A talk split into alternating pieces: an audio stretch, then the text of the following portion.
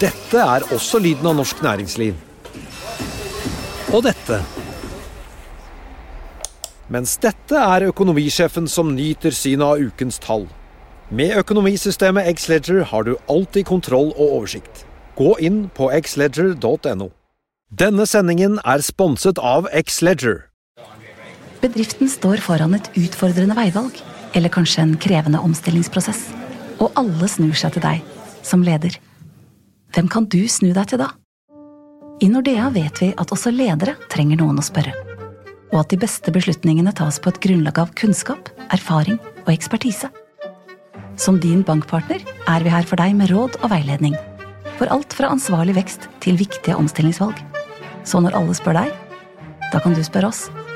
Finn ut mer på nordea.no, din bankpartner.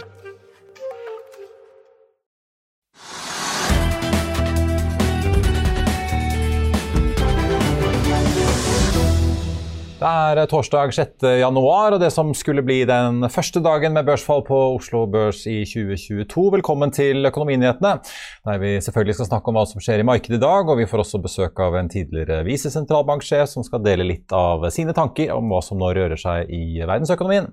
Men la oss først se litt på hvordan det ser ut i markedet nå. Hovedindeksen er ned ja, mellom 1,2 og 1,3 Det gir en utvikling så langt i januar på en oppgang på 0,35 og til tross for børsfallet så er oljeprisen opp 2% til 81 dollar og 80 cent. Den amerikanske lettoljen er på nesten 79 dollar. Og ser vi rundt oss i Europa, så er det bare Helsinki-børsen som er i pluss av de store europeiske børsene i dag. Børsfallet det skjer etter at Wall Street stengte ganske kraftig ned i går. Nasdaq Composite var ned 3,3% Dow Jones litt bedre med en nedgang på 1,1 mens SMP 500 var ned 1,9% og futuresene på Wall Street peker mot en ny nedgang i dag. Og Det er referatet fra rentemøtet i desember i den amerikanske sentralbanken som ble offentliggjort i går kveld, som får skylden for uroen og fallet i markedet. Og Like før sending tok vi en prat med en som følger utviklingen tett, for å høre hva som egentlig har skjedd. Vakas Sarwar, meglersjef i CMC Markets her i Skandinavia. Takk for at du er med oss. Du, vi så jo Nasdaq falle 3,3% på Wall Street i går, mens Dow Jones så litt mer skjermet ut. Så det var jo åpenbart teknologisektoren som ble rammet av dette børsfallet. Det snakkes om dette famøse referatet til den amerikanske sentralbanken. Hva er det egentlig som har skjedd, sånn du ser det? Takk for at jeg fikk lov å komme, og godt nyttår. Godt nyttår det som egentlig har skjedd, har vært at aksjemarkedet har ikke fulgt med i timen. Etter rentemøtet i midten av desember så, så man både de korte og lange rentene krype sakte, men sikkert oppover. Man har lagt på seg mellom 20 og 30 basispunkter fra toåringen hele veien opp til tiåringen. Nasdaq har i samme periode lagt på seg 5% så man har, man har hatt dette famøse nyttårsrallyet allerede. Og jeg, jeg syns personlig det har vært underlig å se såpass stor divergens eh, på de to aktiva-klassene. Og Vanligvis så sier man jo ofte at de smarte pengene er i, i rentemarkedet. Eh, og, og, man bør jo utvilsomt følge med på hva som skjer der. Og, det som har skjedd der, er at man, man har priset inn økt sannsynlighet eh, for renteheving i nærmere tid. Ja, rett og slett at, at den uh, innstrammingen i pengepolitikken kommer fortere enn det man kanskje hadde trodd? Ja, og uh, rentemøtereferatet som man så i går, underbygget det. Og, det er først da aksjemarkedet reagerte på det, i og med at det ikke har fulgt de samme reaksjonene som, som rentemarkedet de siste par ukene, eller over jul. da. Så, så, måtte rentereferatet til. Men det, det som også vi bet oss merke i det, var at det var noen Fed-medlemmer som faktisk snakket om, om å redusere Fed-balansen. Og Det betyr i praksis en reversering av pengetrykkingen som vi har sett de siste to årene. Ja, Da skal de kanskje begynne å kvitte seg med alle disse obligasjonene som de har kjøpt opp uh, i stort monn de siste årene? Ja, altså det de gjør i praksis er at de fornyer jo eller rullerer obligasjonsbeholdningen sin og holder Fed-balansen ved like. Uh, men når de re reduserer Fed-balansen, så, så, unnlater de å rullere eksisterende beholdning av obligasjoner. Så når de utløper, så kjøper de da ikke nye. Det betyr i praksis at man, man makulerer dollar. Og Forrige gang det skjedde, når man tok ned Fed-balansen fra ca. 5 trillioner dollar til 4, så, så var det jo negative reaksjoner i aksjemarkedet, og man så også en vesentlig sterkere dollar. Så spørsmålet er om det kommer til å gjenta seg nå, da. Du, eh, nå har vi jo sett Oslo Børs starte ned halvannen prosent i dag. Eh, har hentet seg litt inn, eh, en drøy prosent eh, her vi nå sitter eh, ved lunsjtider. Eh, men vi har også sett at kronen har jo svekket seg litt. Kan ikke du gå gjennom litt liksom, hvilke andre markedsreaksjoner som du har observert i dag? Det er riktig det at kronen har eh, svekket seg med rundt fem øre mot euroen og, og, og dollaren. Eh, det, det, jeg har bitt meg litt merke i, er at oljeprisen er, eh, virker å være upåvirket av den uroen vi ser i, i aksjemarkedet. Og i aksjemarkedet så er det egentlig ikke så dramatisk som man kanskje kunne tro med overskriftene man har sett. Som du var inne på, Nasdaq har jo falt veldig, mens Dow Jones har ikke falt like mye. og det er den etter hvert sendte rotasjonen ut av vekstaksjer og inn i, inn i sykliske. Så Dowen har jo bare falt uh, rundt en prosent, mens Nasdaq var ned over tre.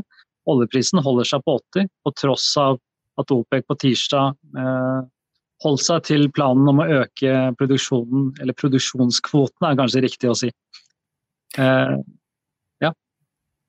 Makas Sarvar i CMC Markus, takk skal du ha for at du var med oss, Og så skal vi følge med videre hvordan denne utviklingen går. Takk.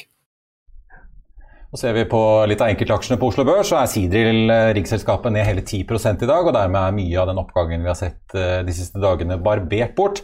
I andre enden finner vi aksjer som Equinor, som stiger på en solid oljepris, opp 0,9 Aker BP er opp så vidt over null, og DNO bidrar også til, oppgang, til å trekke hovedveksten litt uh, oppover på den røde børsen i dag.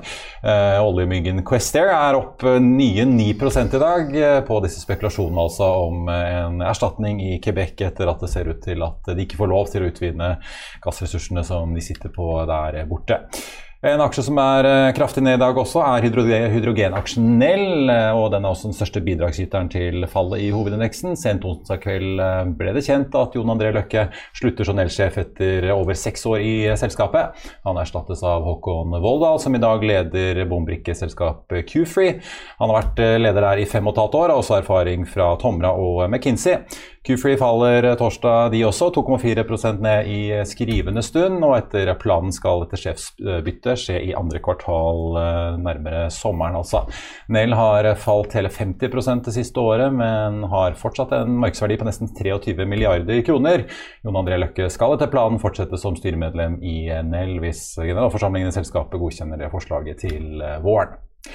Da skal vi se litt på Norwegians eh, trafikktall, som også kom i dag for desember måned. Ser vi på antall passasjerer, som bikket i under 1 million for første gang siden september måned. Flyselskapet økte samtidig kapasiteten sin med 7,4% men hadde ett fly mindre i uh, trafikk og gikk ned fra 49 til 48 fly.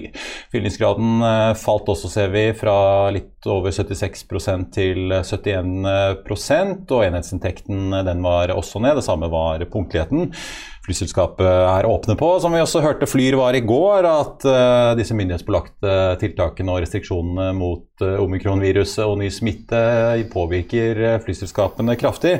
Konsernsjef Geir Karlsen sier at han mener de traff bra på planleggingen av ruteprogrammet for desember måned, og han sier sitat at vi måtte også denne jule- og nyttårshelgen planlegge ut fra lavere etterspørsel, og fyllingsgraden er også bra for desember. Samtidig merker vi naturlig nok effekten av omikronviruset og nye tiltak og restriksjoner i inn- og utland. Sitat eh, slutt. Norwegian hadde billettinntekter på 603 millioner kroner i eh, desember og Nei, i november og 591 i desember. Omtrent det samme der altså. Og i tillegg kommer altså ekstrainntekter, ombordsalg og annet. Norwegian-aksjen var opp 2 tidligere i dag og er eh, nå opp litt over 1 Kongsberg Gruppen melder også om uh, en kontrakt med helikopterprodusenten Leonardo om logistikk og vedlikeholdstjenester for de norske redningshelikoptrene. Den kontrakten løper frem til 2026 og er en utvidelse av en rammeavtale fra 2016 og er verdt ca. 260 millioner kroner. Kongsberg Gruppen startet en halvannen prosent i dag, men har krøpet opp litt over i pluss utover eh, dagen. Ellers så tar vi med at Eh, spillselskapet Fifth Planet Games utmerker seg med selskapene som stiger mest i dag, med en oppgang på nesten 10% på forventninger eh, i forkant av selskapets eh, vanlige driftsoppdatering. Denne skulle egentlig vært sluppet i dag, men rett før jul meldte selskapet at den er utsatt ut i neste uke. Før vi kjører videre i sendingen, så vil jeg bare minne om at hvis du ikke rekker å se denne sendingen, så kan du også høre den som podkast ved å søke opp Økonominyhetene i Spotify, Apple Podkast eller på fano-podkast.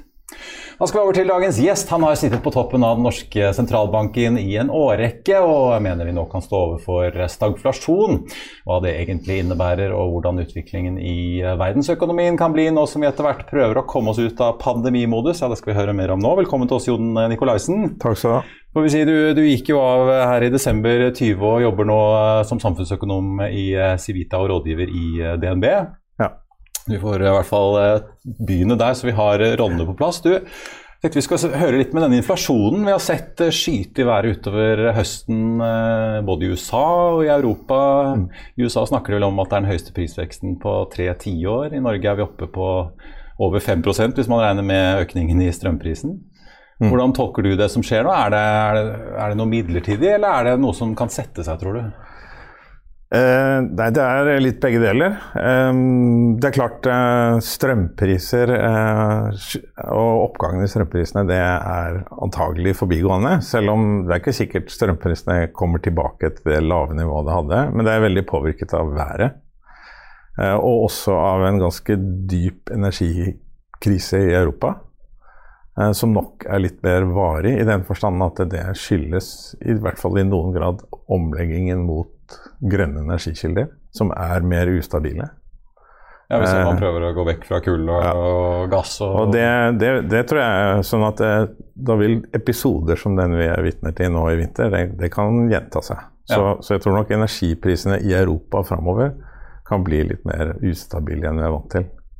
Så er det nok også sånn at underliggende sett Eh, så er det en litt ny fase, i hvert fall i verdensøkonomien, eh, når det gjelder eh, si det makroøkonomiske klimaet generelt. I et par tiår nå, i hvert fall, så har vestlige økonomier blitt hjulpet av et trykk nedover på prisene, først og fremst pga. utviklingen i kinesisk økonomi og overgangen til at veldig mye av produksjonen, og særlig varer, skjer i Asia. Og det har eh, vært med på å trekke prisene jevnt nedover på varer. Den, det er nok en, en, utvikling som nå har kommet nesten til veis ende. Ja, for jeg har sett en voldsom økning i ja. disponibel inntekt og på en måte, ja, varevelferden, hvis du kan kalle det ja. varebruket. Ja. ja. Og det er, det er, nettopp en gevinst av kan du si, den omleggingen i verdenshandelen som vi har nytt godt av, ikke minst i Norge, fordi vi jo produserer varer som kineserne trenger. Altså olje, olje, olje, olje f.eks. Eh, så det er nok en fase som er litt tilbakelagt. Og vi er i et litt annet klima nå, hvor, hvor drivkreftene heller trekker litt andre veien. Og så er det blitt forsterket av pandemien. Eh, det er trøbbel i leveransekjedene. Det er krise på energimarkedet i Europa. Eh, og pandemien har nok også gjort eh, at den arbeidskraften som, vi, som mange vestlige økonomier, også i Norge, etter hvert blir avhengig av, nemlig innvandret arbeidskraft, den velger nå å bli hjemme. Og Det betyr at kapasiteten i økonomien er litt mer presset enn den har vært. Og Det så vi før, før eh, det siste pandemiutbruddet, at eh, norsk økonomi hentet seg veldig fort inn. Eh, men vi kom også raskt opp til kapasitetsgrensen i økonomien med mye knappe ressurser.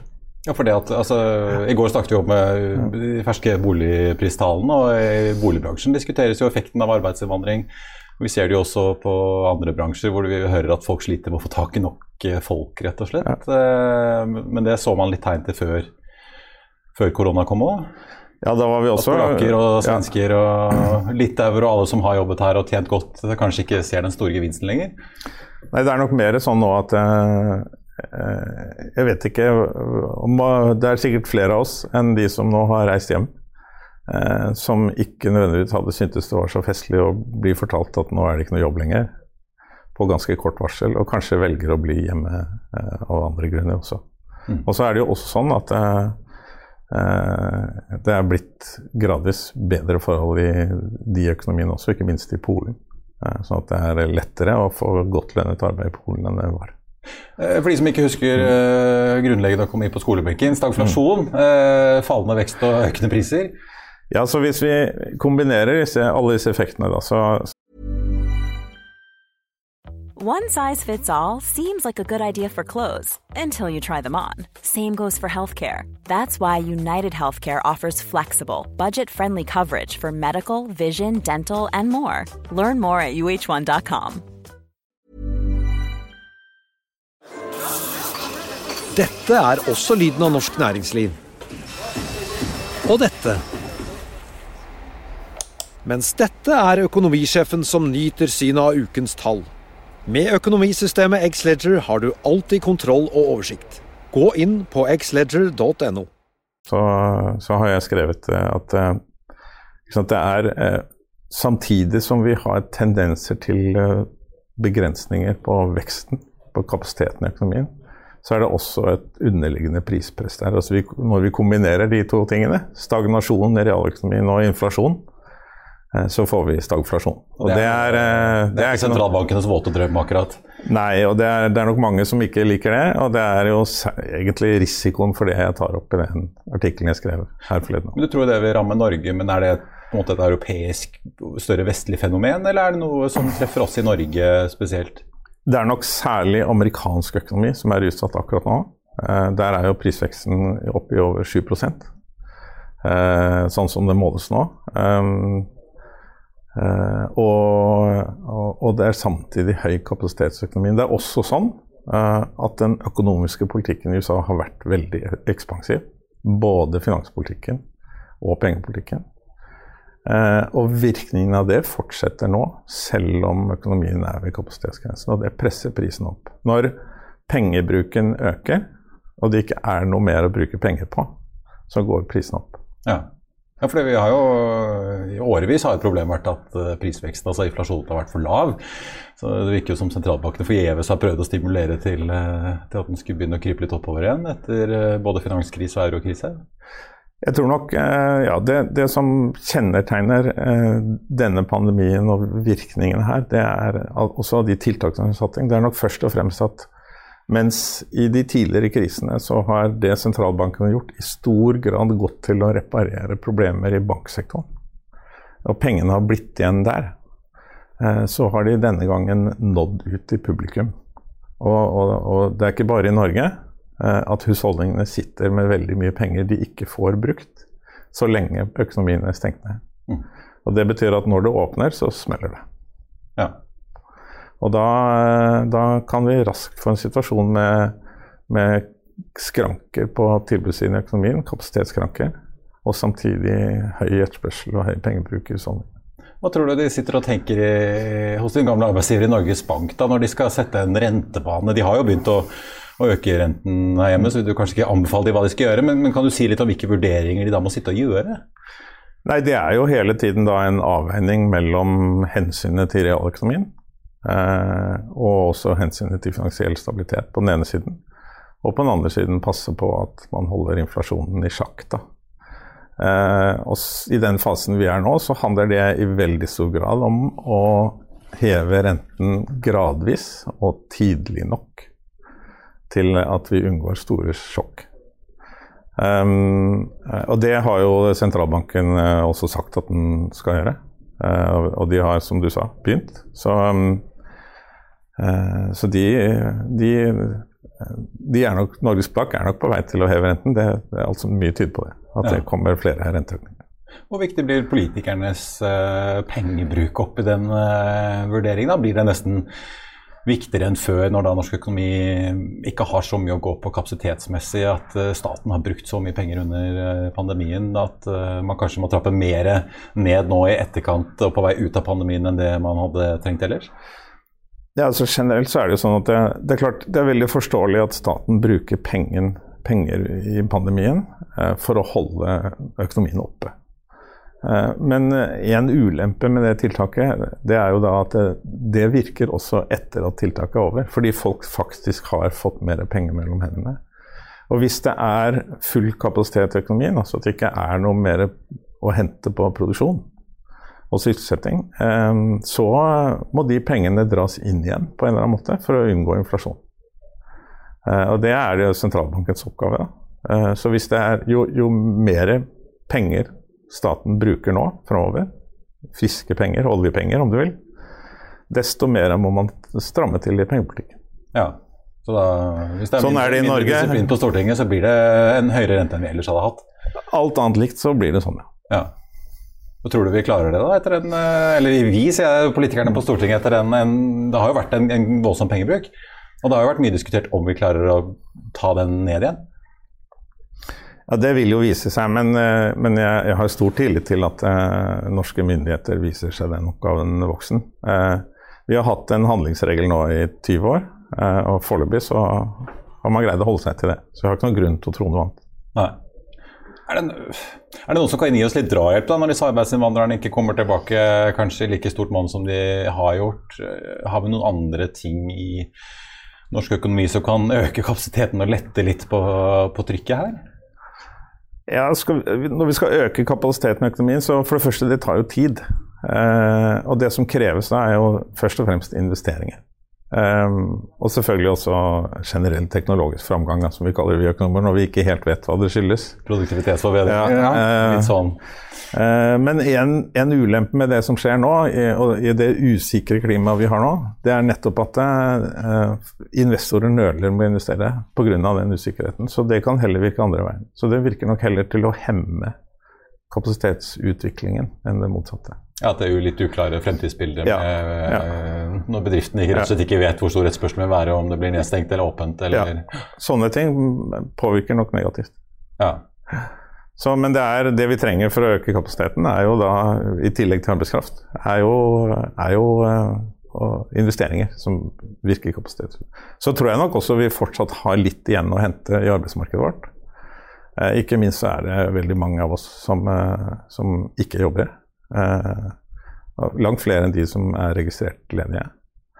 Eh, og over tid så tror jeg det går an å gjøre noe med det. Men det krever en systematisk politikk over flere år. Men der har vi et potensial som på en måte er litt uh, uforløst. Ja, altså det er jo nå sånn at uh, sysselsettingsgraden i norsk økonomi, når vi ser på altså antallet sysselsatte over hele befolkningen, er lavere enn var, fortsatt lavere enn var i Sverige før pandemien, f.eks. Så, så her er det et godt mål å prøve å slå svenskene. Ja, det, det skal vi alltid uh, klare. Nå klarte vi jo ikke å slå dem på børs i fjor, da. de steg jo enda mer enn Oslo Børs. men eh, den stagneringen i norsk økonomi du snakker om og forventer, er, det, er dette noe som vil pågå liksom hele 2020-tallet? Er det noe som vil pågå et par år, tror du? Nei, altså jeg, eh, eh, er ikke, jeg tror jo ikke at økonomien vil stagnere helt. Eh, men når gjeninnhentingen etter, etter denne siste nedstengingen er over, så tror jeg vi må være forberedt på at det kan bli ganske lav vekst pga. alle disse faktorene vi nå har snakket om. Eh, og det er, det er viktig å ha, ikke ha for høye forventninger til vekst. da. Eh, Og med flere eldre så blir vi Ja. kanskje mer lik Japan fortere enn vi kanskje ventet? Ja, vi får håpe det ikke blir så ille. Men, men jeg tror nok vi står foran, eh, om ikke ti år, så i hvert fall noen år etter pandemien med litt lavere vekst enn vi har vært vant til. Det kan fort skje. Til slutt tenkte jeg å høre litt med den innsikten og erfaringen du, du har bygget opp, eh, hvor dere selvfølgelig har sittet også i Norges Bank og fulgt med på hva de andre sentralbankene gjør. Eh, veldig mange sitter jo og leser eh, rentereferater, ikke bare fra Washington, men også fra Frankfurt, i den europeiske sentralbanken med lupe, for å se hva de egentlig har tenkt å gjøre. Og diskusjonen er jo ofte om de faktisk kommer til å trappe ned disse krisepakkene og tiltakene som de har hatt nå vel i et drøyt tiår, eller om de bare bytter navn og erstattes av noe nytt. Eh, Hvordan leser du det som kommer ut fra, fra henholdsvis Washington og Frankfurt? Nei, Nå tror jeg jo at eh, situasjonen i USA og i Europa er nokså forskjellig. Eh, altså Amerikansk økonomi eh, har jo da opplevd veldig kraftig stimulans, både fra pengepolitikken og finanspolitikken. Og forskjellen er særlig stor på finanspolitikken. Eh, og der er det jo enda mer i vente. Rett og slett alle disse sjekkene som back- de sendte ja, ut Men til, også eh, Build Back. Better og sånt. Ja. Så, så eh, det betyr at til eh, Ja, så det betyr jo at eh, i en økonomi da, som nok også er veldig nær kapasitetsgrensen, og det er tydelige tegn til høyere lønns- og prispress i amerikansk økonomi, så faller veldig mye av oppgaven på sentralbanken da, for å hindre at inflasjonen fester seg. Eh, og det referatet som vi fikk i går, det tyder vel på at uh, styret i Fed er beredt til å gjøre det som trengs for å unngå inflasjon så er det nok sånn at uh, den avveiningen de da må gjøre, den er ikke så lett. fordi strammer de til for hardt, så kommer amerikansk økonomi fort inn i resesjon. Og det kan bli trøbbel i markedene. Og strømmer de til for lite, så risikerer vi at inflasjonen fester seg. Så jeg er glad jeg ikke er i deres sko. Jeg er glad du ikke sitter på Fed-styret. Ja. ja. Men, eh, men, betyr, det i praksis at du forventer at i Amerika så tar disse støttetiltakene faktisk slutt? da? De har jo sagt det, mm. så vi får jo tro dem på det. så er det jo aldri lett å si hva som kan skje framover. men hvis ikke det skjer noe spesielt, så, så, tror jeg vi må legge til grunn at det, de kommer til å trappe ned disse tiltakene og kanskje også kjøpe tilbake litt, eh, eller unnskyld, selge tilbake litt av de beholdningene av verdipapirer som de sitter på. Ser man på ECB eh, e og Kristin Lagarde, sentralbanksjefen for eurosonen, eh, så virker formuleringene her litt mer diffuse. De åpner jo døren for begge deler, i hvert fall sånn som jeg har lest en del av disse referatene som har kommet de siste månedene. At de både kan trappe ned, men de utelukker ikke at de opprettholder støttetiltak. Hva, hva, leser du av hva de gjør i Frankfurt fremover? Du sa at situasjonen er ganske annerledes enn i USA? Ja, så Først og fremst så er det mye mer ledig kapasitet, eh, både direkte og indirekte, i europeisk økonomi. Så de har mer å gå på, rett og slett. Og Det betyr nok også at uh, risikoen for at uh, inflasjonen skal feste seg i euroområdet, er mye lavere enn det vi ser i USA akkurat nå. Så, så de har rett og slett bedre tid, tror jeg. Uh, og da behøver de ikke bestemme seg ennå. Kort til slutt, uh, hvor bekymret bør vi være for at uh, alle disse pengene som har gått inn i aksjemarkedet i søken av avkastning i en verden med lave renter, vil flyte tilbake igjen og kanskje skape litt uro? Når pengepolitikken endres?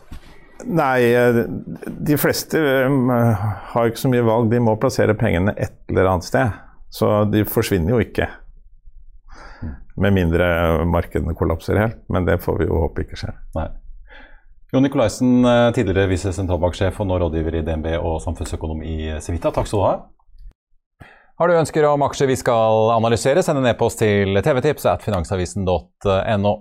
På tampen av sendingen tar vi med en liten jobbnyhet fra overgangsmarkedet. For aksjemegler Gaute Ultveit Moe går nemlig fra Arctic Securities over til ABG Sundal Collier. Han er kjent for å bidra med høye kurtasjeinntekter og sitt store kontakt, kontaktnettverk.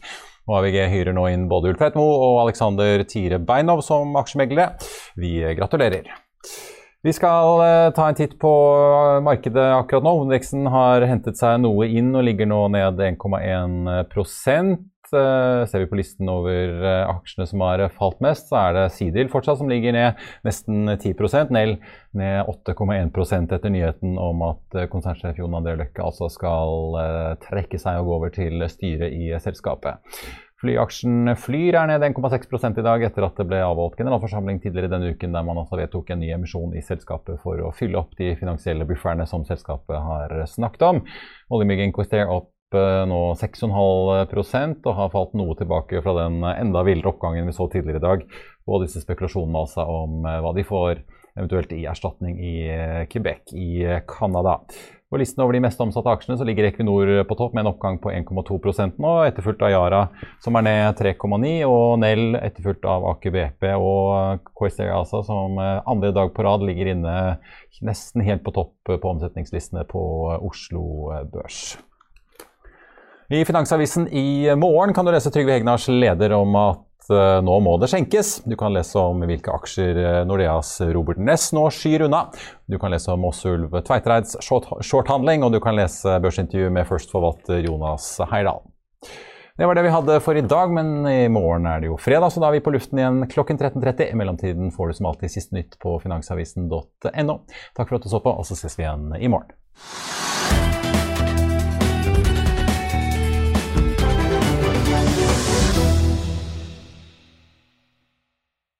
Denne sendingen er sponset av X-Leger. ACAST powers the world's best podcasts. Here's a show that we recommend.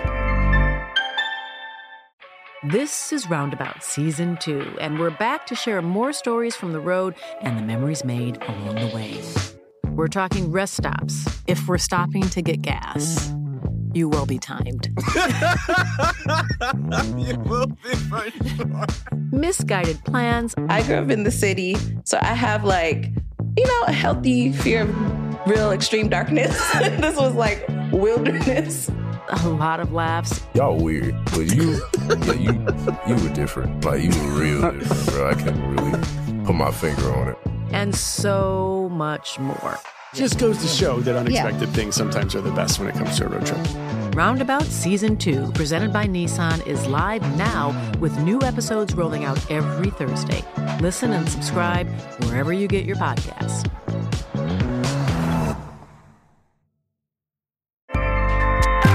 ACAST helps creators launch, grow, and monetize their podcasts everywhere. ACAST.com.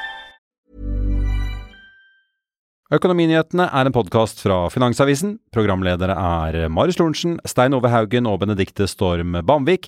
Produsenter er Lars Brenden Skram og Bashar Johar. Og ansvarlig redaktør er Trygve Hegnar.